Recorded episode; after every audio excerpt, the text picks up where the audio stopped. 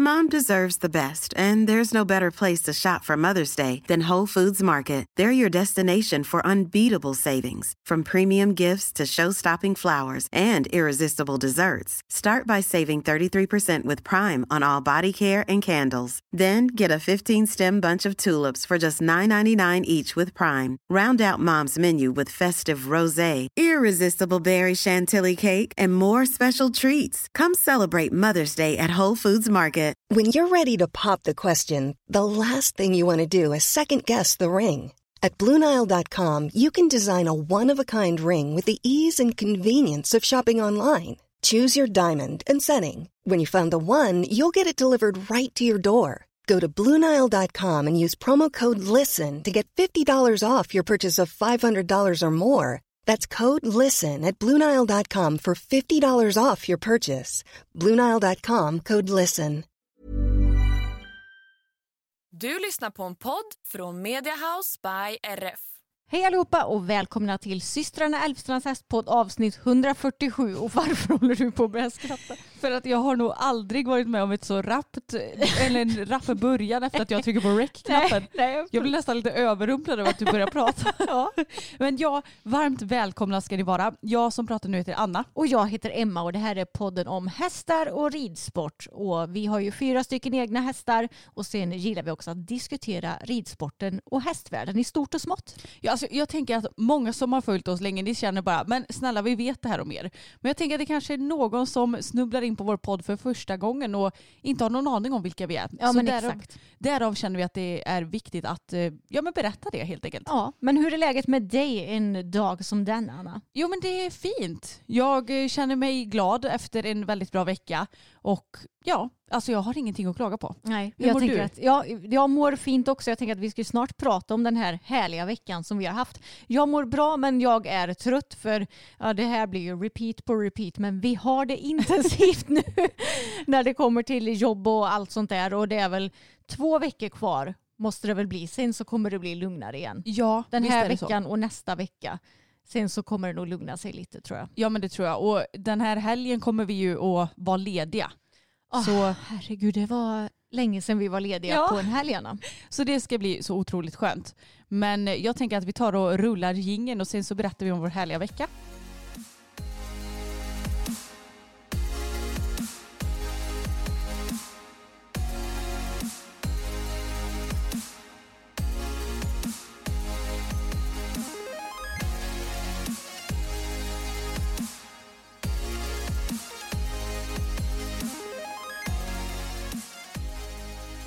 Det här poddavsnittet är i samarbete med appen Hej Hej och det stavas som hö på engelska. Jättegulligt och finurligt namn tycker Precis. Hö hö, hej Mm. hej. Jättegulligt namn. Och jag tänkte att jag ska ta och berätta lite om vad Hej hej är för app. Och man kan säga att det är som ett community för oss hästälskare i appform.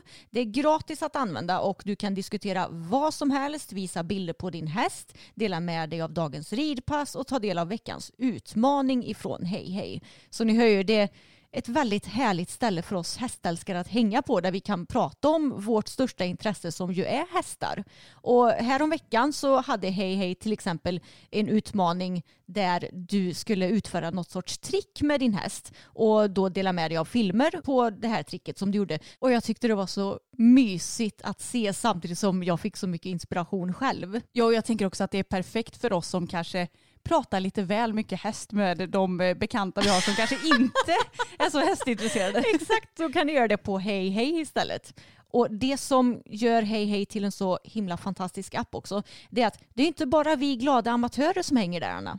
Nej men precis, det finns ju proffs också som man kan ställa frågor till och få hjälp med och det tycker jag är fantastiskt. Ja, det är ju verkligen superbra. Och Hej Hej, de har ett gäng olika experter inom olika områden som svarar på våra frågor där som vi ställer. Och de experterna som finns där, de är till exempel landslagsryttare, veterinär, equipment coach, idrottspsykolog, unghästbildare och med mera så att säga. Så det finns ju verkligen någon för alla. Och det som vi gillar med Hej Hej så mycket det är att det är ett så fint community, det är god stämning för jag kan tycka att på en del andra forum så är det så himla, jag vet inte, besserwisser-stämning och lite, inte nedtryckande kanske. Nej, men, att folk är lite dömande mot varandra. Ja, exakt. Och det uppstår inte här utan alla är snälla och glada och hjälpsamma. Ja, verkligen. Det är så himla mysig stämning bara. Ja, och sen så tycker jag att appen är så enkel att förstå sig på och den är väldigt användarvänlig. Ja, den är jätteanvändarvänlig och du får lätt svar på de frågorna som du ställer.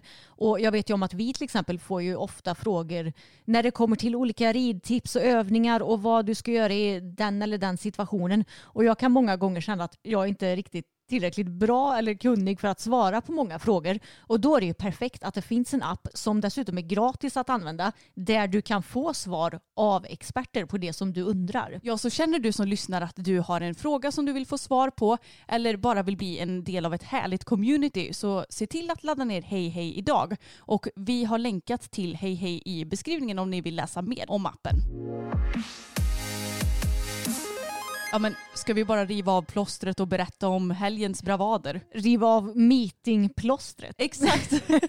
Nej men alltså Fokus har ju skött sig ungefär tusen gånger bättre än vad jag trodde att han skulle göra. Ja, jag är, jag är också helt, helt i chock typ. Ska vi dra hela historien från början? Ja, vart börjar vi då? Ja, men vi kan väl börja med att eh, ja, men när vi kom fram till Borås, Mm. då skulle han ju stå i det gäststallet och det var han och två andra hästar till va? Mm, det var det.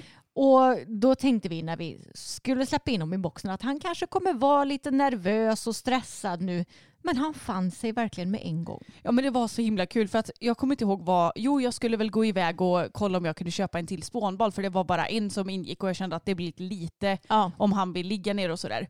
Så då skulle jag gå till sekretariatet och köpa en till eh, spånboll och under tiden så sa jag att då kan ni ju lasta ur fokus då och så ja, greja med lite av alla saker vi hade med oss.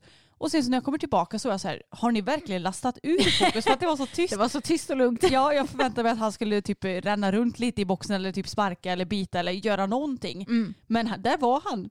Ja, så snäll så. Och det här var ju då på lördag eftermiddag. Mm. För du skulle rida första klassen på lördag vid typ halv åtta. Yes. Vi kom till Borås lite senare än beräknat för det hade varit en trafikolycka på vägen så vi var tvungna att ta en annan väg så det tog lite extra tid. Men du hade ju gjort ett bra schema så det gjorde ingenting att vi blev lite sena. Nej men det känns skönt. Jag brukar alltid beräkna lite extra tid och framförallt nu när det var meetingdags. Mm. Så vi började ju med att installera honom och alla saker och sen så när vi väl fick tag på en till spånbad så spred vi ut den och han var jättelugn och fin och jag hade satt upp lite leksaker i boxen så han hade dels en rotborste som han kunde hålla på och pilla på.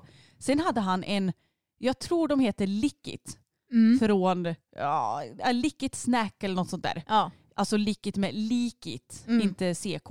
Och den var ju väldigt poppis. Ja. Det var som en müsli slicksten som man kunde hålla på och greja på. Ja, den, den använde han mycket såg man. Ja det gjorde han. Och sen så köpte jag också en saltsten för jag tänkte att alltså, allt som går att slicka och hålla på och greja med det är ju Mm. bra. ja. För att då kan han hålla på och greja. Precis, och vi har ju lagt upp bild på det här på vår Instagram som heter systrarna Elfstrand. Nej min egen Instagram. Ja just det, Annas Instagram. Yes. Anna Elfstrand. Där finns det bild på det här. Eh, På hans, eh, ja men dels lite bilder från hela meetinget men också på de här leksakerna så att ni vet vad vi hade för någonting och det känns som att det var bra. Vi hade ett hörn i boxen där det var hö och sen kom vatten och sen kom de här leksakerna. Exakt, för jag hade ju köpt två stycken hönet som hade som lite så här slow feeding nät nästan framför sig. Men som ändå inte var svåra att få tag på höet i. Och han är ju så lång, eller tänkte jag säga stor. så han nådde ju nästan att äta höet ovanifrån Ja. påsen. Men det var ju skitsamma. Och sen så la jag också lite hö på backen i boxen i hörnet så att han skulle ha ja, men lite olika stationer och det känns som att det var ett vinnande koncept. Men när vi hade installerat klart honom så åkte ju vi till hotellet för att eh, installera oss tänkte jag säga. Ja, Checka in oss. jäklar, jäklar vad snygg man känner sig när man har varit ut, när det är mitt i vintern så vi har på så här vinterkängor, lång jacka, mjukisbyxor, ja ni fattar. Och så skulle vi checka in på ett hotell där de flesta andra var ju väldigt mycket mer eh, fräscha än vad vi var. Ja och vi bodde på Scandic Plaza, Plaza, jag kommer aldrig ihåg hur man säger. Mm. Plaza. Plaza. Och det var ju ett supertrevligt hotell men man kände sig ju lite malplacerad när man går runt i stallkläder. och jag kände bara, jag orkar liksom inte ha alla stallkläder i bilen för då blir de kalla. Mm. Så vi gick runt och såg ut som lite hästfolk. Ja.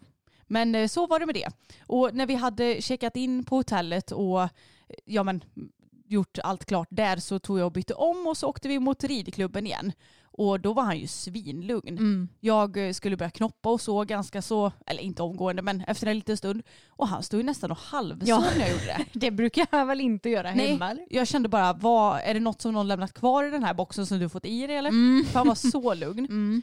Och sen så, ja, när allt var färdigt så skulle vi ju då ta och starta Medels C första dagen. Och det är ju vår bästa C hittills skulle jag säga. Ja det skulle jag också säga. Och han var väl fin redan på framridningen eller? Jättefin. Mm. Och han hade bra med energi utan att kännas ja, men stissig liksom. Ja. Så det kändes så gött att han var framme och han var med mig och det kändes bara jättebra. Och det höll ju i sig inne på banan också. ja. Jag failar ju tyvärr några gånger men det känns som att jag, jag kan tydligen inte rida ett eh, missfritt program. Nej, och det är ju synd för nu är ni ju så pass bra så att om du hade kunnat hålla det till kanske åtminstone bara en miss per program så hade ni ju varit placerade. Ja. Och det var ändå lite roligt för i början när du startade med att se, eller i början när du startade vilken dressyrtävling som helst så kom ju du typ alltid sist i alla klasser. Och nu ligger ni liksom verkligen och nosar på placering till Medels for C. Det är ett bevis på hur bra han har blivit inne på banan. Och nu ja, men under hösten så tycker jag att han har utvecklats enormt. För som vi har pratat om tidigare vet jag. Men då har ju han kunnat komma in på banan och varit spänd och tappat allting. Och det har kvittat vad du har gjort för att han har fortsatt att vara lika spänd hela programmet. Men nu kan han ju bli rädd för någonting och sen att du visar honom det ett par, ett par gånger och sen släpper han det. Och att han fortfarande är så bra framme för skänken. Formen är så himla mycket stadigare. Han är mycket mer lösgjord. Ja, nej, allt har ju blivit så mycket bättre. Ja och det som känns allra skönast är som du säger det här med att han blev rädd för saker förut. Och då var det så här, ja men då kommer jag inte kunna rida i det här hörnet i princip. Men nu så bara, ja jag tycker det här är lite läskigt och så säger jag åt honom att nej men nu går vi förbi här. Och så Ja. är han så här okej, Mm. ja men okej jag köper att det är här. Det är Mm. lugnt. Och det känns så skönt för vi var ju på samma tävlingsplats för ett år sedan. Och då tävlade vi en lätt A3 vill jag minnas. Yes. Och då var det också så här, för de har, i Borås så har de ett dressyrstaket uppställt som vanligt tänkte jag säga. Men sen så vid varje långsidebörjan, eh, där har de som en typ bock kan Mm. man säga. Alltså som, ett, som man hoppar Ja, men typ hinder i fyllnad. Ja, men hinder i fyllnad, ja exakt. Och de var han ju skiträdd för förra året. ja, och det var han ju hela, alltså hela programmet vill jag minnas. Ja och då var det ju lite så här när man kom mot den delen så kände man hur hästen bara, det var Ja. som att han drog upp axlarna nästan och bara "Ugh." Men nu var det ju, jo han tittade såklart på det första dagen. Mm. Men då var det ju bara för mig att rida förbi några gånger så Ja. var det lugnt sen. Och som sagt själva programmet kändes väldigt bra. Våra fails då, dels så råkade jag rygga lite snett. Mm. Jag hamnade lite på sniskan av medellinjen när jag red upp. Det kändes lite så här, fan där, det är en miss är man ju- inte ska nej, göra. Och det är ju någonting som du normalt sett är bra på. Du är ju väldigt duktig på uppridningar. Ja, men det är också så svårt. Hamnar man lite på sidan så är det så svårt för då är det så här, det är nästan lite kört. För Ja. att då, ja, ska jag vingla till eller ska jag fortsätta hålla min linje? Det är, så här, Ja. det är lite svårt. Mm. Sen bytte han i ena, när jag så hade gjort mellangalopp, Ja. gjorde han ett galoppombyte. Mm. Ett, ett väldigt fint galoppombyte vill jag minnas. Ja, Och det, så taktade han i skritten Just en det. gång också. det gjorde han och det var väl det va? Ja, han snubblade ena Just det. slutan också. Ja, fasen mina skolor blev mycket bättre. Ja. Vi fick ju sex och sex och en halv tror jag. Mm. Förutom på den slutan där han snubblade och fick Ja. vi fem och en halv. Precis. Så det känns också så jäkla gött att Ja. det börjar släppa Ja, äntligen. men ni, börjar, eh, ni börjar höja er i skolorna. Mm. Och nu är det bara jag som ska försöka rida så missfria program som möjligt. Då. Men vi landade på 65,1 procent med Mm. eh, ja, som sagt de här missarna också. Då. Och det kändes väldigt rättvist bedömt. Ja. Jag fick fina kommentarer av domaren och vi kommer ju att släppa en video imorgon så ni kan ju titta på programmen då. Mm. Men jag var väldigt glad och väldigt, väldigt nöjd och stolt över fokus. Och sen så travade vi av lite grann och skrittade av en stund. Så vi var väl klara i stallet typ vid halv nio kanske. ja, något sånt. Då var han installerad i boxen igen och hade fått sin kraftfoder och sådär. Och så hade vi öst på med hö och grejer och så sa vi vi ses imorgon fokus. och då åkte vi och käkade på en restaurang som heter Townhouse by Klang. Mm. Och jag måste verkligen rekommendera den restaurangen. Ja. Herregud vad god mat. Det var jättegött. Jag kan säga att vi var proppmätta när vi gick därifrån. Eller Ja. ja, du och jag. Ja, precis. Samuel var ju med den här helgen också. Och han, Han är, han är kille så kan man ju säga. han blir typ aldrig mätt. När jag bara, åh gud jag håller typ på att spricka. Han bara, ja, jag hade kunnat äta en portion till. Ja. Han försökte ju beställa Ja, just Han Han försökte beställa in en, det var så här mixed grill typ för Ja. två personer. Det är ju Precis. ganska vanligt att det finns Mm. på restauranger. Och han bara, eh, yeah I want this one. För de pratade engelska där. Mm. Och han bara, eh, but it's for two persons. Mm. Och så han bara, yeah eh, but it's okay I can take it anyway. Mm. Och han bara, no we can't do that. Typ att Mm. han inte ville sälja det till honom. Så Samuel fick inte köpa den. Nej, det var väldigt roligt. Då hade han ju dessutom ätit en förrätt innan också. Ja, ja. Men han hade nog kunnat trycka i sig den säkert. Det hade han garanterat kunnat göra. Mm. Det finns typ inget stopp i den Nej. människan tror jag. Så det var skitgott verkligen och låg nära vårt hotell vilket var smidigt. Jag är ju en duktig planerare så jag hade planerat att hotellet behöver inte ligga allt för långt från stallet och sen så behöver inte restaurangen ligga allt för långt från hotellet. och sen så åkte vi hem tänkte jag säga, gick hem och sov och så var det ju då dags att ja, stiga upp och ta hand om fokus och boxen och sådär. Så då åkte jag och Samuel till Borås eh, fältridsklubb och då gjorde jag en liten tabbe Eva. Vad? För att jag tänkte ju att men gud vad bra, då kan jag packa med ett bettlöst träd så kan jag gå ut och skritta i det. Så kan han så här, ja men om han känner för att beta någonstans så kan han göra det. Mm. Men då var det så skickade till mig att det får man tydligen inte göra. Nähä. Jag hade så fått för mig att det är okej att leda hästen i ett hackamore liksom, när Mm. man är på, på meeting. Ja. Men eh, icke, det får man inte. Men i, om man är på ett hoppmeeting måste man väl få Ja, göra ja, det? det får man göra, men inte på dressyrmeeting. då, Alltså det är så löjligt så Jag det vet. finns inte. Jag, snacka om att det här är den bajsnödigaste regeln ever. För jag känner bara, det är klart som fan att jag inte kommer sitta upp och rida i det här tränset. Nej. Men att inte ens få leda sin häst Ja. i det, det tycker jag är tuntigt. Men det ska, visst ska det bli nya regler nästa år. Då kommer alla få leda i grimma va? Ja, grimma med kedjegrimskaft. Ja precis. Så då är det ju bättre ur ett meetingsynpunkt i alla fall. En meetingsynpunkt menar jag. Ja. Så jag eh, bröt mot lite regler i helgen men eh, ingen fara på taket. Nej. det, ja, jag, hade inte så bra koll på det helt enkelt. Men då kan ni ju undvika att göra samma miss i alla fall. Ja men precis. Och han var lite spänd den här morgonen. Han gick fort så in i bänken så jag typ lite träningsvärk nästan i mina ben för att han skrittade så satans fort. Och jag tror jag promenerade nästan närmare en timme med honom. Och sen var det väldigt kul för att då tänkte jag att ah, men jag kan köra lite bara basic mental grejer. Att han skulle backa lite, flytta rumpan lite med att jag bara tittar på rumpan och ah, men sånt du vet. Och då stod jag, ni som känner till Borås, då stod jag lite nere vid paddocken. Och då visste jag inte om att de hade släppt ut ridskolehästarna, antog jag att det var. Mm. Men då höll jag på att greja lite så här och rätt vad det är så hör jag bara hur det dundrar i galopp. Då ridskolehästarna hade fått styr på oss och fått fart så de bara rände runt och runt och runt och tyckte det var jätteintressant Ja. att jag och Fokus stod där. Medan Fokus han stod bara och tittade på oss här. så då var han lugn. Ja men det var ju bra. Jättebra. Och medan jag var ute och gick så grejade Samuel med boxen, han fixade vattnet, han mockade, fixade lite hö och sådär. Och sen så släppte vi in honom i boxen och så stack vi till hotellet och käkade frukost och chillade lite grann och sen så var det då dags att åka återigen till Borås när vi hade checkat ut från hotellet. Och då vankades det ju medelsvår B istället. Mm. Och låt mig säga så här. Att jag har aldrig i hela mitt liv suttit på en fokus som är piggare än vad han var. Alltså det ska ju tilläggas att Fokus är ju normalt sett en ganska så seg häst. Ja, han är ju absolut inte åt det piggare hållet. Nej. Han är ju snarare tvärtom att man behöver få igång Precis. motorn lite. Ja. Men nu var det ju då helt tvärtom. Ja, jag kände bara herregud, jag har ingen broms. Och så satt jag där och försökte liksom att samla lite men jag kände bara att han, han nej. Det, det, om det är någon gång jag skulle behövt kandar så var det fan mig då. För jag kände, hallå, prr, hästen och han bara boom, boom, boom, boom. Och jag bara okej, men eh, då hade vi ridit fram en liten stund och jag kan säga som så att jag travade inte särskilt länge utan jag fattade galopp ganska så omgående för att få ur lite energi. Och så tänkte jag att nej men nu behöver vi väl börja lite med bytena inför starten då. Alltså jag kunde ju knappt lägga om skänken för det bara sprakade om hela hästen och han gjorde något litet hopp innan han Ja. bytte galopp och det var, det var bara kaos. Ja, man kan säga att det var som gjort för att det skulle misslyckas inne på banan. Det är så jobbigt för grejen är att har du en häst som alltid är pigg och het då vet du hur du ska hantera det. Ja. Men har du en, eller och om du har en häst som alltid är lite åt det segare hållet. Men nu när han är verkligen helt tvärtom mot vad han brukar vara då är det ju väldigt svårt att få till den här kommunikationen så bra som man brukar kunna. Ja och han blev ju verkligen extremt pigg också. Ja. Det är inte bara så här, åh men gött han tar min skänke lite lättare än vad han brukar utan Nej. det var bara sprak eller sprak eller sprak i Mm. den där hovarna. Så efter ett tag så kände jag bara nej, vi går från stora ridhuset som ligger en liten bit bort från själva andra anläggningen Mm. till det lilla ridhuset som är i samband med det stora tävlingsridhuset. Och då blev det lite bättre. Då lugnade han ner sig lite grann. Och jag kände ändå att jag kunde komma till ridning och fick till lite uppnor och sånt. Och ja, men, försökte väl få till några byten men det var också lite så här sprak i sprak. De, de blev ju inte lika bra som på framridningen i Essunga när du red. Nej. Första medelsfobet. Exakt, men jag kände lite att ja, ja, det är vad det, det är. är. Jag har den hästen jag sitter på just nu. Jag kan liksom inte bara magiskt få fram något annat. Så att vi får helt enkelt köra på det här. Mm. Och sen var det då dags.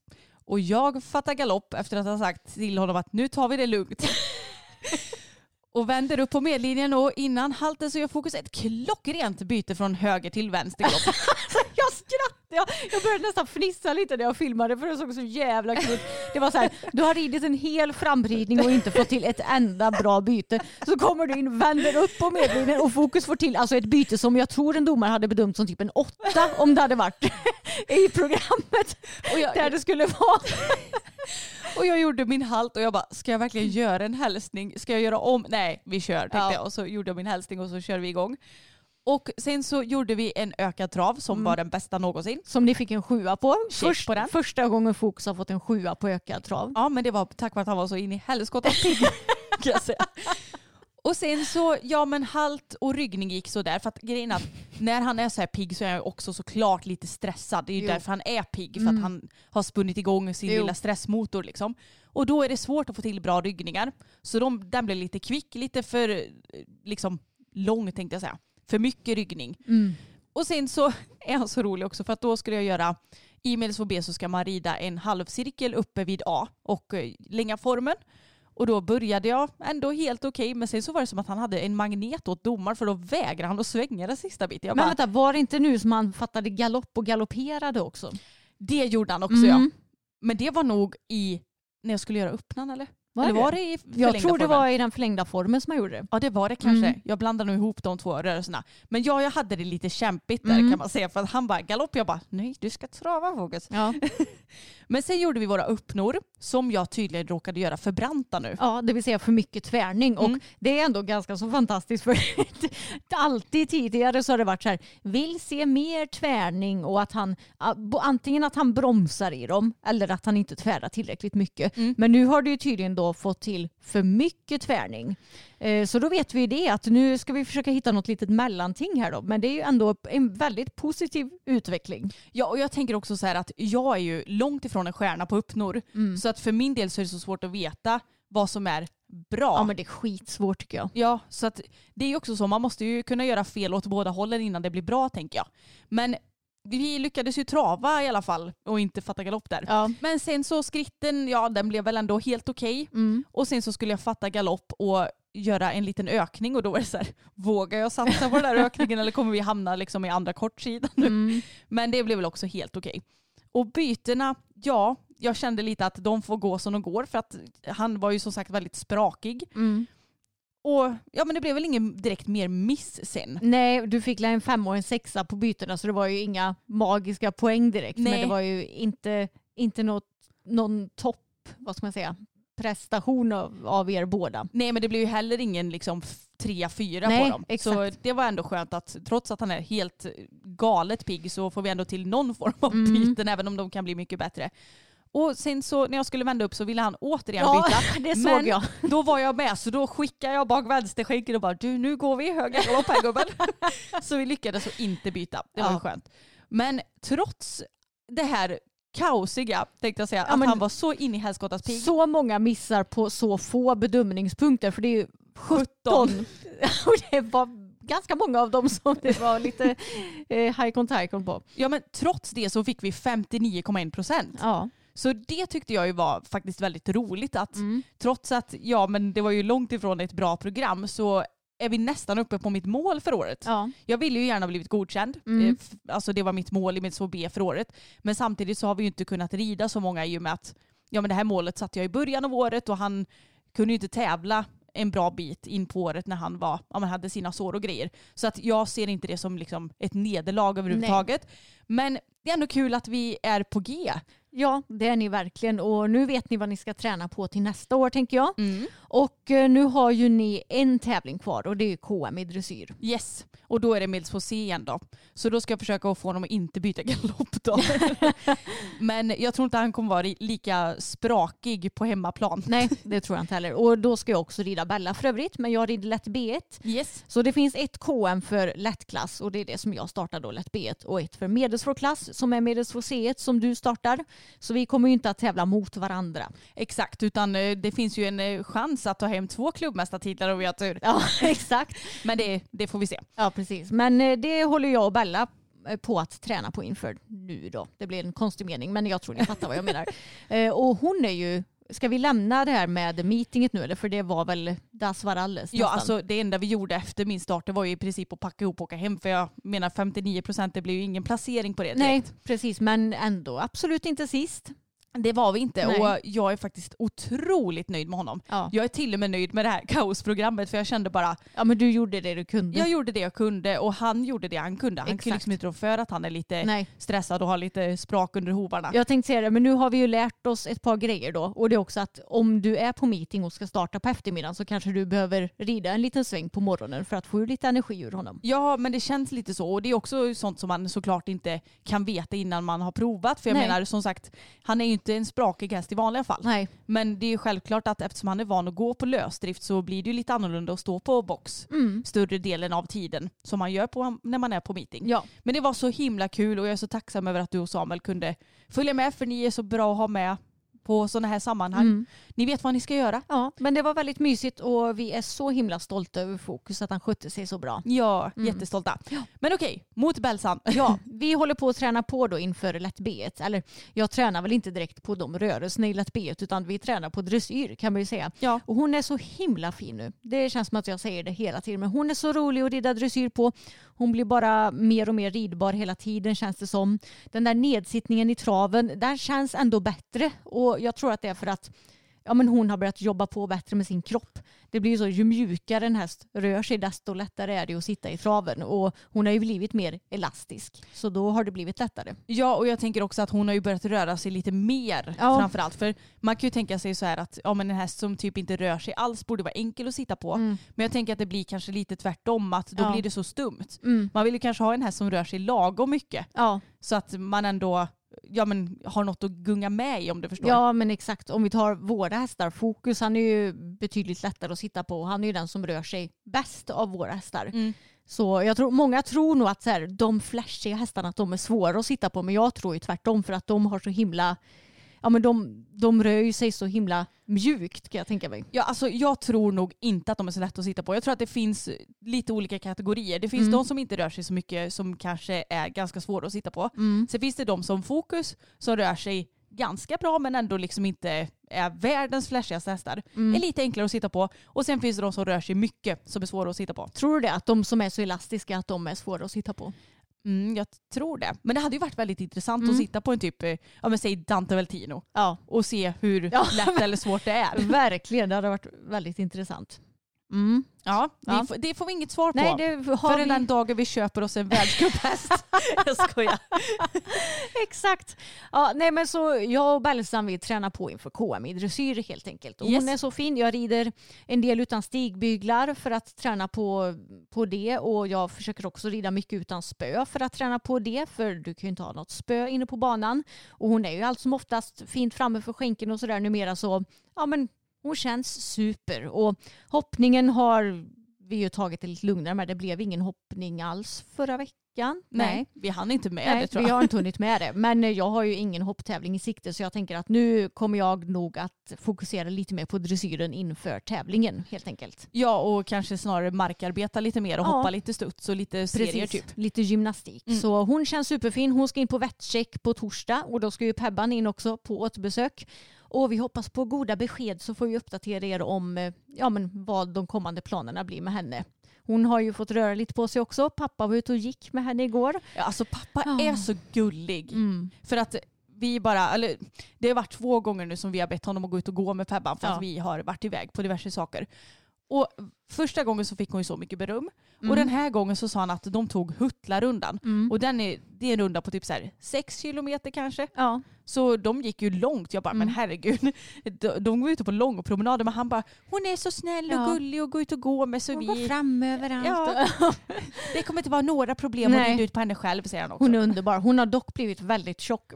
Ja, det har hon faktiskt blivit. Mm. Men det är ju inte så konstigt. Har man vilat i fem månader nu och ja. fri tillgång på hö och eh, kanske inte rör sig så mycket förutom när vi promenerar Nej. och lite, lite grann i hagen. Liksom. Det är inte så konstigt. Men eh, ja, det är ju statusen med henne och Tage fick hänga med till ridhuset idag och rida dressyr också. Yes, och han var faktiskt jättefin. Mm. Jag har ju, det, det är så svårt tycker jag när hästar blir äldre och de blir stelare och de blir kanske, ja men som jag nämnt förut, kanske inte riktigt lika roliga att rida längre för att då tänker man ju tillbaka till när det var som bäst. Hur det har varit ja. Ja, och det är skitsvårt att inte lägga de kraven. Eller ja, jag har väl svårt att lägga, jag jag lägger väl inte de kraven på Tage, Mm. men det är svårt att inte lägga de kraven på mig själv. Liksom. Förstår Mm. du vad jag menar? ja. Att jag vill få honom dit igen. Men det är ju helt orimliga krav för att han, hans kropp kan inte det längre. Nej. Men idag så kände jag bara, nej nu släpper vi totalt allt, allt, allt och så bara tar vi det för vad det är. Och han var superfin. Mm, jag tyckte han såg finare ut än på länge. Ja, och jag, jag bara joggade igång i alla gångarter, gjorde en hel del övergångar i samtliga gångarter. Jag skiter i att göra så här galoppskrittövergångar och sådana där avancerade grejer. För att det känns som att varför ska vi hålla på och traggla sånt när vi, det finns ingen anledning. Nej. Alltså det viktiga är att han får röra på sin kropp så att den blir mjuk och fin så att han mår bra. Ja, och han kändes skitfin sen, speciellt när jag gjorde lite galopptravövergångar. När jag hade kortat ihop honom lite Mm. för att jag brukar jogga igång honom i lång form både i skritttrav och galopp eh, från en början. Men han var superduktig. Mm. Så det kändes kul att han fick komma igång och jogga lite idag. Eller komma igång, följa med och jogga lite.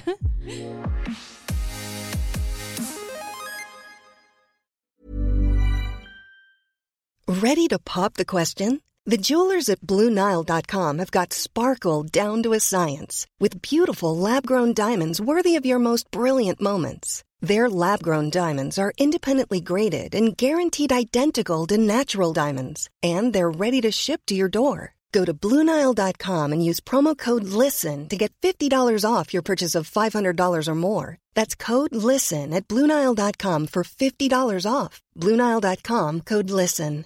This is Paige, the co-host of Giggly Squad, and I want to tell you about a company that I've been loving, Olive and June. Olive and June gives you everything that you need for a salon quality manicure in one box. And if you break it down, it really comes out to $2 a manicure, which is absolutely insane. It's also so easy to get salon worthy nails at home with Olive and June. The difference between how your nails used to look when you did them yourself and now with the Manny system is a complete game changer. The best thing about Olive and June too is it's a quick dry, dries in about one minute, lasts for five days, and full coverage in up to one to two coats. Visit oliveandjune.com slash perfectmanny20 for 20% off your first system. That's oliveandjune.com slash perfectmanny20 for 20% off your first system. Jag vet inte riktigt om vi har någon veckans Hans. Vi kan ju nämna lite kort att eh, farbror Hans har ramlat av. Ja, igår. Ja. Jag och Emma vi var ju som sagt då i Borås och frågade ifall pappa och vår medryttare Jessica kunde rida på eh, Tage och Bella. Nu var jag tvungen att tänka vilka vi hade kvar i stallet. Och det kunde de ju göra så de skulle rida ut en sväng. Och då red Jessica först på Bella och sen så red pappa på Tage. Och de hade ju tydligen varit, eller ja, Bella hade varit lite fjantig den här Ja. dagen och ryckt till för många grejer. Och sen så kom de väl till en punkt när det blev lite för mycket så då blev hon rädd och kastade sig lite. Så Jessica hon landade nog på fötterna tror jag. Mm. Och så i samma veva så blev Tage rädd för Bella. Så då hade pappa ramlat av på ryggen. Nej men. Ja, men det hade gått bra med dem. För att Ja. jag ringde pappa och frågade hur mår du? Och han bara, vadå eller? Jag bara, nej du ramlade av. Jag, jag är nyfiken på nu om pappa gick ut och gick en timme med Pebban innan eller efter det här. Ja, de red ut på förmiddagen tror jag Ja, men då, mamma sa. då kanske det var på eftermiddagen. I så fall så måste det ha varit en väldigt smärtfri avramling. Ja, vi såg honom köra traktor alldeles nyligen också Ja. så jag tror ändå att det gick bra. Ja. Det är ju så här, ibland så ramlar man ju av utan att det är någon dramatik men jag, har, nej, jag, jag tycker inte att pappa ska ramla av. Så det får väl vara pappas, eh, eller ja, veckans Hans. Men Mm. jag har däremot en veckans Samuel faktiskt. Mhm. För att han följde ju som sagt med på tävlingen i helgen. Och han är ju van vid hästar nu efter att ha varit ihop med mig i nio år liksom. Men Han sa så här. Nu fattar jag varför det heter ponytail eller hästsvans. För jag såg en häst som sket i helgen och då, då det faktiskt ser ut som en hög hästsvans. Jag tyckte det var så kul. Men det är ju faktiskt sant som man säger för när en häst, alltså när en häst bara har sin svans rakt ner Ja. då, då ser det ju inte ut som en hästsvans, Nej. alltså en frisyr. Nej. Men när de lyfter den, det är ju då det ser Mm. ut som en hästsvans. Jag gillar också, jag såg en häst som sket i helgen. Man bara, har du aldrig sett en häst skita på de nio åren innan det som du har varit ihop med dig? Jo, det har han antagligen, men jag tror inte att han reflekterat över Han- just frisyren. Han fick en epiphany nu. Ja men jag tror det. Vi, vi satt och kollade på lite reels på Instagram och då kom det upp Jaha. någon sån här frisyr-tutorial. Och det var då han bara nu kom jag på Ja. att det ser ut som en häst som skiter. Bara, Åh vad bra. Alltså, det är det jag alltid har typ.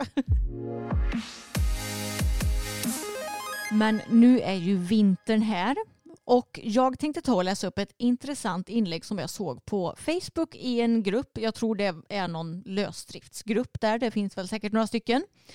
Och då har författaren skrivit så här. Jag som trodde hästarna stod helt still vid Höbingen vintertid men de rör sig konstant cirka 15 kilometer per dygn. Exakt lika mycket som när det fanns bete i samma hage. Det är 700 meter till vattnet dit de går och dricker tre gånger per dygn. GPSen sitter på ledarstået så alla hänger på när hon säger att det är dags att gå och dricka.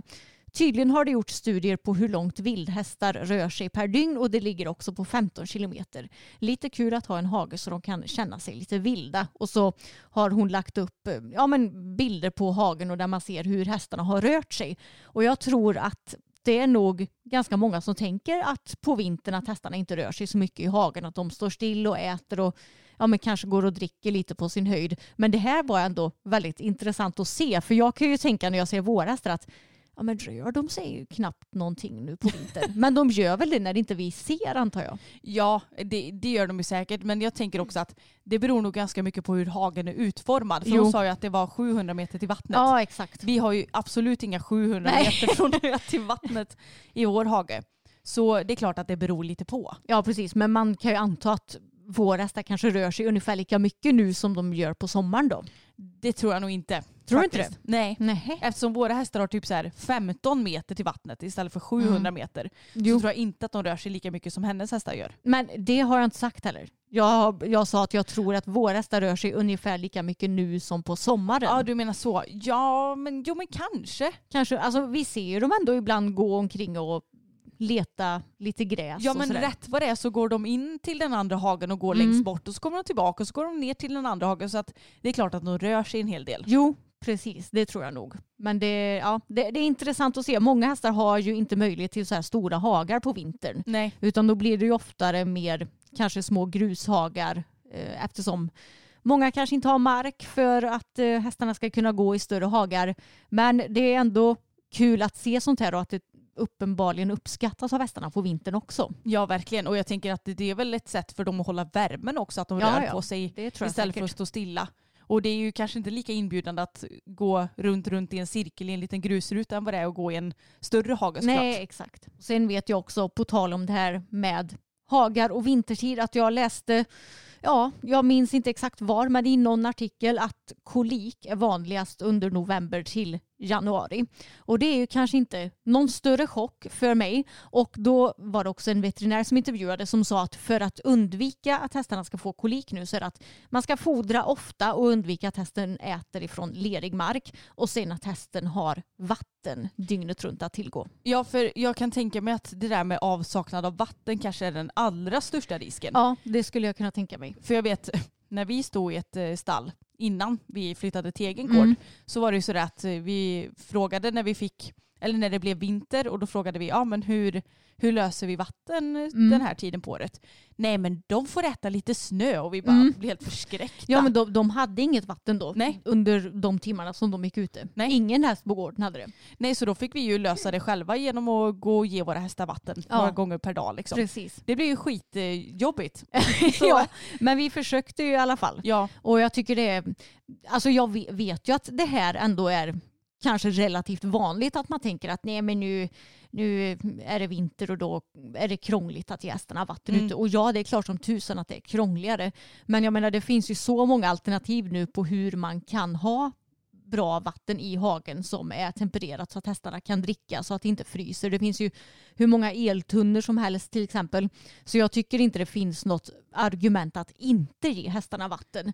Och ja, men med tanke på den lilla anekdoten du drog så är det kanske inte heller så konstigt att så många hästar får kolik nu för att de får väl kanske inte tillgång till vatten dygnet runt. Nej, eller hur? Och jag tänker också att nu har det blivit mycket modernare och vi lär ju oss hela tiden saker om hästar. Mm. Så då för, ja men var det tio år sedan kanske? Ja, något sånt. Då, då kanske det inte var lika konstigt att hästarna inte fick vatten på vintern. För ja, dels så fanns det ju också mer snö.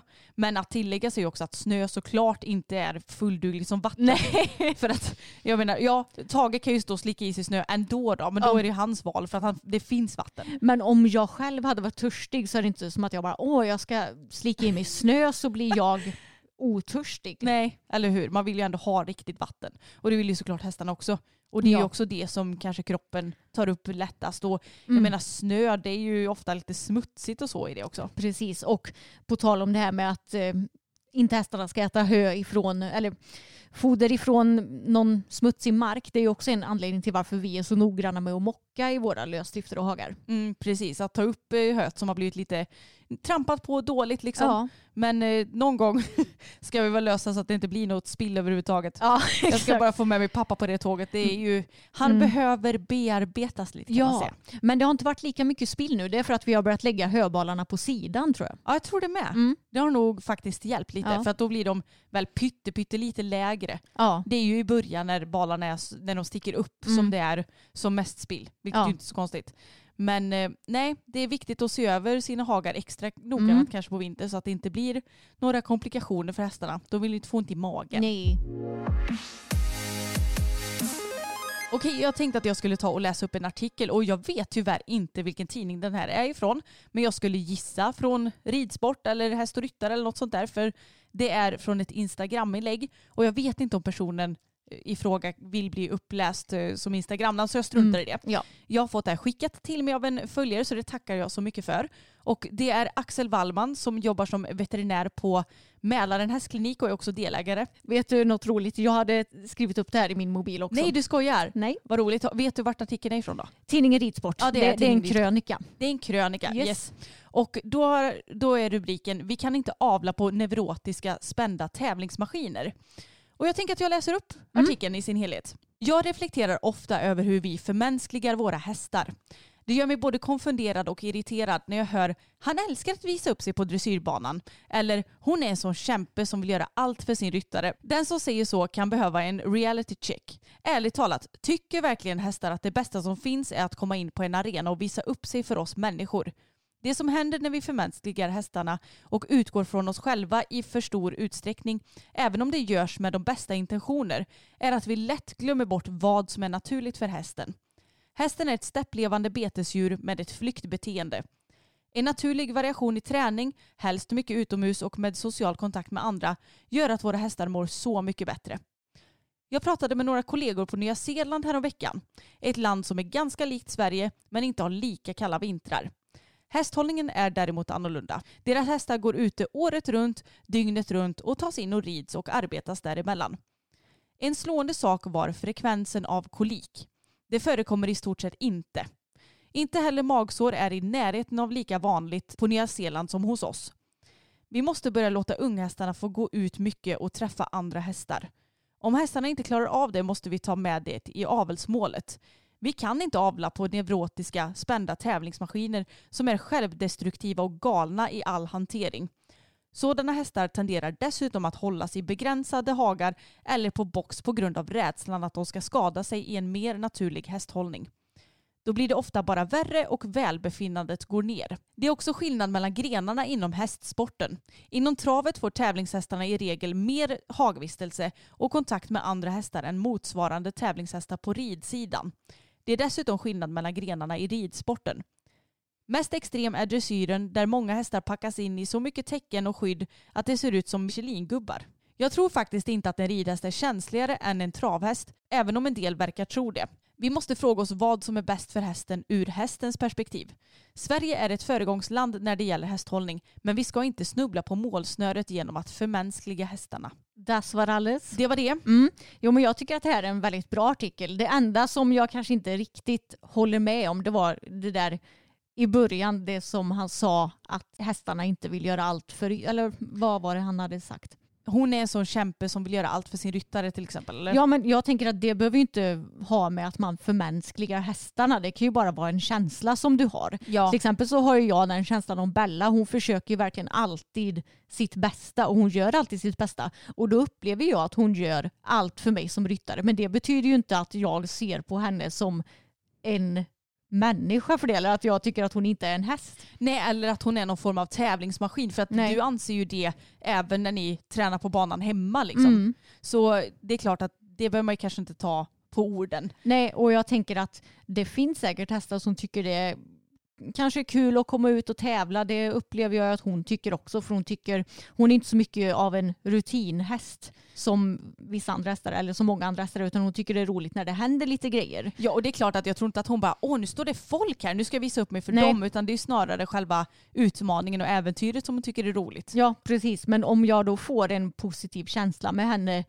på tävling så betyder ju inte det att, ja, men, att hon får någon annan behandling hemma. Du Nej. fattar vad jag menar. Ja men precis, det, du ställer ju inte henne i en grusruta liksom. Och, Nej, exakt. Och jag Mm. menar i vissa aspekter kan man ju se på det lite mer på ett känsloplan så som jag gör med Bella till exempel när det kommer till vår träning. Men att jag fortfarande fattar att ja, men hon är en häst och det som hon främst behöver är att få hennes grundläggande behov sedda. Ja, och herregud det är väl som i helgen när jag eh, sa till Fokus att nu är det här bara ett dygn så vi kommer hem till vår lösdrift sen liksom och, och sådär och det kändes som att han var väldigt lugn på grund av det. Mm. Det kan ju bara vara min känsla. Jag fattar ju att han kanske inte kan ta mig på orden liksom för vi, vi talar inte samma språk. Nej. Och, men det kändes ju ändå som att jag kunde förmedla en känsla till honom. Sen om det var Mm. så eller inte det vet ju inte jag. Nej. Men det som jag tyckte var lite kul i artikeln det var det här med att vi måste låta våra unghästar gå på lösdrift mer eller något sånt där skrev han ju. Ja. Och då blev jag sådär, men, men Varför inte alla? exakt för det är ju just det som är grejen att det känns som att många har sina unghästar på lösdrift men sen ska de in på box. Mm. Och jag säger återigen, inte att det är något fel att ha hästar på box men det är just det att om det finns hästar som trivs bättre på lösdrift då ska de väl ändå få lov att gå där. Ja precis och jag fattar inte varför själva övergången lösdrift till box ska behöva ske egentligen. Mm. Om, om hästen kan gå på lösdrift så är det väl jättebra om den kan fortsätta göra det. Och jag menar det är ju inte tycker jag mer opraktiskt att ha hästen på lösdrift heller utan du kan ju fortsätta jobba den precis som vanligt och träna den precis som vanligt bara det att det är ju den nat- vänta, mesta möjliga naturliga hästhållningen du kan ha. Ja, och jag menar det ena ut- utesluter ju inte det andra heller tänker jag. För jag menar, ja men vill du ha hästen på box inför en tävling för att du vill bada den och Mm. hålla den lite ren liksom. Ja, Ja. men då är det ju ingen som säger att du måste ha den på lösdrift till Nej. dagen efter. Nej exakt. Så det, allt måste inte vara så svart eller vitt hela tiden. Nej, precis. Men, jag tycker ändå att det var en bra artikel så sett. Ja, och även det här att han sa att, ehm, att vi inte kan avla på hästar som är för nerviga och kanske inte klarar av ett normalt hästliv. Det känns ju som att man läser det ehm, och ser det ibland på sociala medier att det finns ston som kanske inte klarar av att tävla, som är kanske supernerviga och har vad ska man säga, ja, men svårigheter med sin personlighet. Ja. Så kan vi ju säga. Ja. Eh, Och då tar istället ägaren föl på stoet och sen så verkar det som att de fölen som kommer de blir också väldigt skarpa och kanske inte så himla lätta att ha att göra med. Och jag känner bara att varför kan vi inte istället avla på hästar som har lite mer okomplicerade psyken? Ja, jag känner verkligen så också. Jag vet inte. Det, det känns som att man många gånger kanske avlar på fel ston i alla Mm. fall. Och det är ju tråkigt. Jag menar det finns ju jätte, jättemånga trevliga ston som kanske hade ja, men fått fram lite härligare föl. Mm. Sen säger inte jag, det, det vet man ju inte förrän det liksom har gått några år. Nej, precis. Men Hur jag tror, fölet blir menar jag. nej, men jag tror att många gånger så tänker man kanske att hingsten ska, vad ska man säga, Spelar störst roll ja, eller? spela större roll än stoet. Mm. Så man kanske, ja men om jag avlar på en hingst som är okomplicerad, ja men om du har ett komplicerat sto så får man ju have in mind att det, de generna för sig också vidare. Lite så. Och jag tyckte också det var kul att han sa det att de hästarna som kanske är, har väldigt mycket energi och är nerviga, att man inte vågar ja, men ha dem i en mer naturlig hästhållning. Det blir också det här ekorrhjulet att det fortsätter att rulla Alltså på ett negativt Ja, sätt en menar ond jag. cirkel. Precis, det blir, en, det blir en ond cirkel ja. Att om du faktiskt hade vågat kanske släppa ut den där inom stationstecken vilda hästen på lösdrift då är det nog många ridbarhetsproblem som hade försvunnit och kanske problem också i hanteringen. Ja men det, fokus är ju bara ett klockrent exempel på det att när han stod på box i ett dygn så blev han en helt annan häst. Ja, men exakt så jag menar man, man får ju hela tiden, det är ju det som vi försöker att göra med vår hästhållning i alla Mm. fall, att man, man testar sig fram och ser vad som passar hästarna bäst Mm. och så får man försöka att göra det bästa man kan Ja, bara. exakt. Och jag tyckte det var kul också att han pratade om kolik med tanke på att jag precis tog upp det lite grann. Ja, Mm. Och ja, intressant att det verkar som om de har mindre kolik i Nya Zeeland. Där hästarna, om jag förstod rätt, i större, vad säger man? ja men de går ut jämt. Ja, precis, de går ut jämt. Mm. Och det är väl kanske inte så chockerande tänker jag. Nej, men jag tänker också att mycket magproblem det kan ju komma dels av att man såklart får i sig någonting dåligt Mm. men också genom att man står still tänker ja, jag. precis. Alltså jag tänker att detsamma gäller väl oss människor. Jag menar, nej men gud nu ska jag inte gå in allt för mycket på ens magrörelser här. men, men jag tänker att ju mer rörelse desto bättre för magen. För att jag menar, Mm. Den behöver alltså, jag tror den behöver rörelse för att funka på bästa ja men sätt. herregud, både vi människor och vi hästar är ju gjorda för att röra på oss. Ursäkta, vi människor och vi hästar. Är du en kentaur? Jag kanske identifierar mig så mycket med, alltså hur stor hästnörd är inte jag om jag identifierar mig som en häst? ja, men jag har råkat kalla min egen fot för hov så att jag tror att vi är lika, lika nördiga båda två. Herregud. Ja, nej men kort sagt, rörelse är bra. Ja, verkligen. Och en intressant krönika där jag eh, håller med om det mesta. Och jag tänkte att vi skulle ta och avsluta det här poddavsnittet med en liten anekdot ifrån en uteritt tidigare i veckan. Och det var så roligt för då skulle jag rida Tage och du rida Fokus. Jag måste bara dra ännu en anekdot nu. Det är en liten veckans Hans kommer här. Jaha, lite, lite mm. sent. För dagen innan din och min uteritt Mm. så skulle jag och pappa rida ut. Och då var det Bella och Tage som skulle ridas. Och eh, då hade vi spelat in en film med mamma och pappa först. Och så Just det. sa jag till pappa, pappa kan inte du rida ut på mig eh, med Bella och Tage? Va? Vad? Är du återigen en häst? Kan inte du rida ut på mig sa du? Sa jag det? Du är verkligen en häst eller? Kan inte du rida ut med mig Ja. på Bella och Tage? Var det nog jag sa, Ja. skulle jag kunna tänka mig. Och då var han, nej men nej, han hade ju inte förberett sig på det här för att jag hade ju inte sagt till i tid. Nej, och, alltså här är jag och pappa så extremt lika för jag Jo. hatar när folk bara ah, men eh, ska vi göra det här nu? Och jag bara ja men det är liksom inte i min plan Nej. så då blir det jobbigt för mig. Ja, så det har vet. jag ärvt från honom. Ja men det har jag också gjort lite grann. Men ja, han var inte så himla sugen på det då så han var ju dels tvungen att åka hem och hämta kläder eller vad tusan det var. Mm. Och så sa han, om jag ska rida med ut, jag hänger bara med ut om jag får rida på Bella. Det är så tydligt att hon är hans Ja, jag favorithäst. tror det är hans favorit. Så han fick ju då rida först på Bella. Ja. Och så fick jag rida på Tage. Men det gick jättebra. Då, då var de mycket coolare i sinnet båda två. Snabbt som fan gick det kan jag ju säga. Jag och Tage hängde knappt med. Men ja, det var ju veckans Hans då. Att han, han ville bara rida med ut om han fick rida på Bella. Ja, men den här uteritten som du och jag är, det var nog typ så här två, tre dagar innan. Ja, just det. Ja. Mm. Det var det.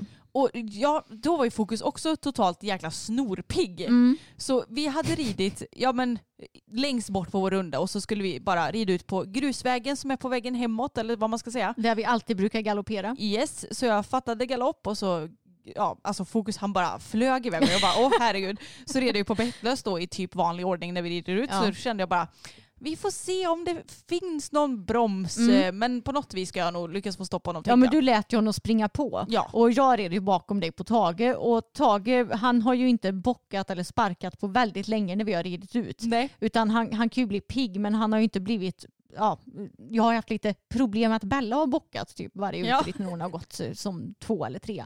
Men det tänkte jag att ja, men då kan Anna galoppera på med fokus för jag kan bara stå där och hänga med på Tage. Och det gick ju bra till en början. Ja men sen så börjar vi närma oss, det är typ som en lada nästan som står Ja. ganska nära grusvägen. Och jag börjar att bromsa in fokus men han lyssnar ju inte så bra då. Och så hör jag hur han skvätter iväg en grusvägssten. Mm. Bara ping, kom på den här ladan och så det bara small i ladan. Ja, antingen på ladan eller på brevlådan. Det är lite oklart Ja. vart den träffade. Det finns en lada och en brevlåda där vid vägkanten typ. Så Mm. Men det, är var en, men det var en sten som träffade någon sorts plåtvägg. Ja, det var en ganska hög smäll Ja, också. det blev ganska hög smäll. Och Fokus han brydde sig inte. Nej, Men men Tage däremot- Tage, då jävlar fick han eld i röven och drog iväg och sparkade och bockade. Och jag bara, och alltså det var länge sedan jag satt på Tagen här nu på sig. Så jag, Bella är ändå lite van med rörelsemönster. Men jag kände bara, kommer jag flyga av Tage nu? För han blev helt jävla galen. Ja. Eh, men det gjorde jag ju som tur var inte. Så vi lyckades sakta av och fick ju skritta en liten bit innan vi kunde trava och så igen. Ja men det roliga var att vi skulle prata lite med en, eh, ja men jag tänkte säga granne, det är det ju absolut inte, men en i närområdet Mm. som hade lite att säga. Så då stannade vi kanske någon minut. Ja. Och det var ju droppen för Tage. Mm. Alltså, då kommer hans fullblod fram så himla Japp. tydligt. För då ser jag bara, för jag, jag bara wow, Fokus han står bara still och chillar liksom. Och så sneglar jag bakåt på Ebba och Tage och då håller de på att gå ner i diket. så då säger han att nu måste vi hem. Japp. Och då hade jag börjat galoppera då. Ja, då, Då hade jag bara kanske legat på backen. då hade jag fått hålla i mig kan Ja. jag säga. Så vi skrittade en bit tills Tage chillade lite. Ja, Tage, 22 år gammal gobbe, han har fortfarande fullblodet i sig. Det kan man minst sagt Mm. säga. Så det var ju ändå en härlig uteritt trots allt, trots att du fick hålla i det lite. Yes men Das war alles hörni. Ja, det var det. Glöm inte bort att prenumerera på den här podden och även på vår YouTube-kanal som heter Systrarna Älvstrand. Och där kommer vi som sagt att lägga upp en lång antar jag att det blir vlogg ifrån helgens tävling och meeting som jag ska sätta mig och redigera nu när vi har poddat klart. Men herregud, nu har vi glömt en viktig sak Emma. Ja, Guldpodden! Guldpodden ja. Alltså wow! Tack för alla röster. ja Vi, blev ju sexa i årets podd. ja, bland alla poddar. Ja, det är ju bara det är helt otroligt. Ja, det är nästan den största skrällen Ja skulle jag men säga. faktiskt. Mm. Och sen så vann vi årets Hobby och fritidspodd. Yes Mm. och tvåa i årets sport Ja, sport och idrottspodd. idrottspodd. Ja. Så tre av tre möjliga placeringar varav en vinst. ja, det är helt otroligt. Det är det verkligen. Så vi vill skicka med det största tacket för att ni lyssnar och för att ni alltid är så himla, ja men ni är pepp på det vi gör och ni röstar när vi eh, skickar ut en blänkare om att det finns saker att rösta på. Mm. Ni är bara världens bästa. Ja, men jag måste verkligen berömma er som följer oss för jag vet att ja, men på till exempel vår senaste tävlingsvlogg när du hade så mycket ångest Ja. och jag hade pratat om det så fick vi så fina kommentarer att ni botar vår ångest och att ni alltid är ärliga och bjuder på er själva och ja, men att ja, vi att vi visar känns, på ja, att vi känns äkta. Ja, och bjuder på både med och motgång och det är så himla viktigt för oss. Men det är ju tyvärr inte, eh, vad säger man, kanske standard på sociala medier. nej och framförallt så tycker jag att det känns så jobbigt när man gör något så uppenbart fel. Så Mm. då, då tycker jag det känns extra jobbigt. Ehm, och det känns så skönt att det togs emot med så sådana fina och varma kommentarer för då, det gör ju att man vågar lägga upp nästa misstag också. Mm. Även om man inte vill göra misstag. Men Nej. det vill ju ingen. Nej, men det gör ju alla. Så är det. Mm. Ja, det här blev ett längre avslut än vad jag tänkte men jag bara, gud vi måste ju tacka för Guldpodden. Ja, jag hade helt glömt bort det. Jag med. Så tusen tack för att ni lyssnat. Vi hörs igen om en vecka. Det gör vi. Hej då! Cool fact a crocodile can't stick out its tongue. Also, you can get health insurance for a month or just under a year in some states. United Healthcare short term insurance plans, underwritten by Golden Rule Insurance Company, offer flexible, budget friendly coverage for you. Learn more at uh1.com. Mom deserves the best, and there's no better place to shop for Mother's Day than Whole Foods Market. They're your destination for unbeatable savings, from premium gifts to show-stopping flowers and irresistible desserts. Start by saving 33% with Prime on all body care and candles. Then get a 15-stem bunch of tulips for just $9.99 each with Prime. Round out Mom's menu with festive rosé, irresistible berry chantilly cake, and more special treats. Come celebrate Mother's Day at Whole Foods Market.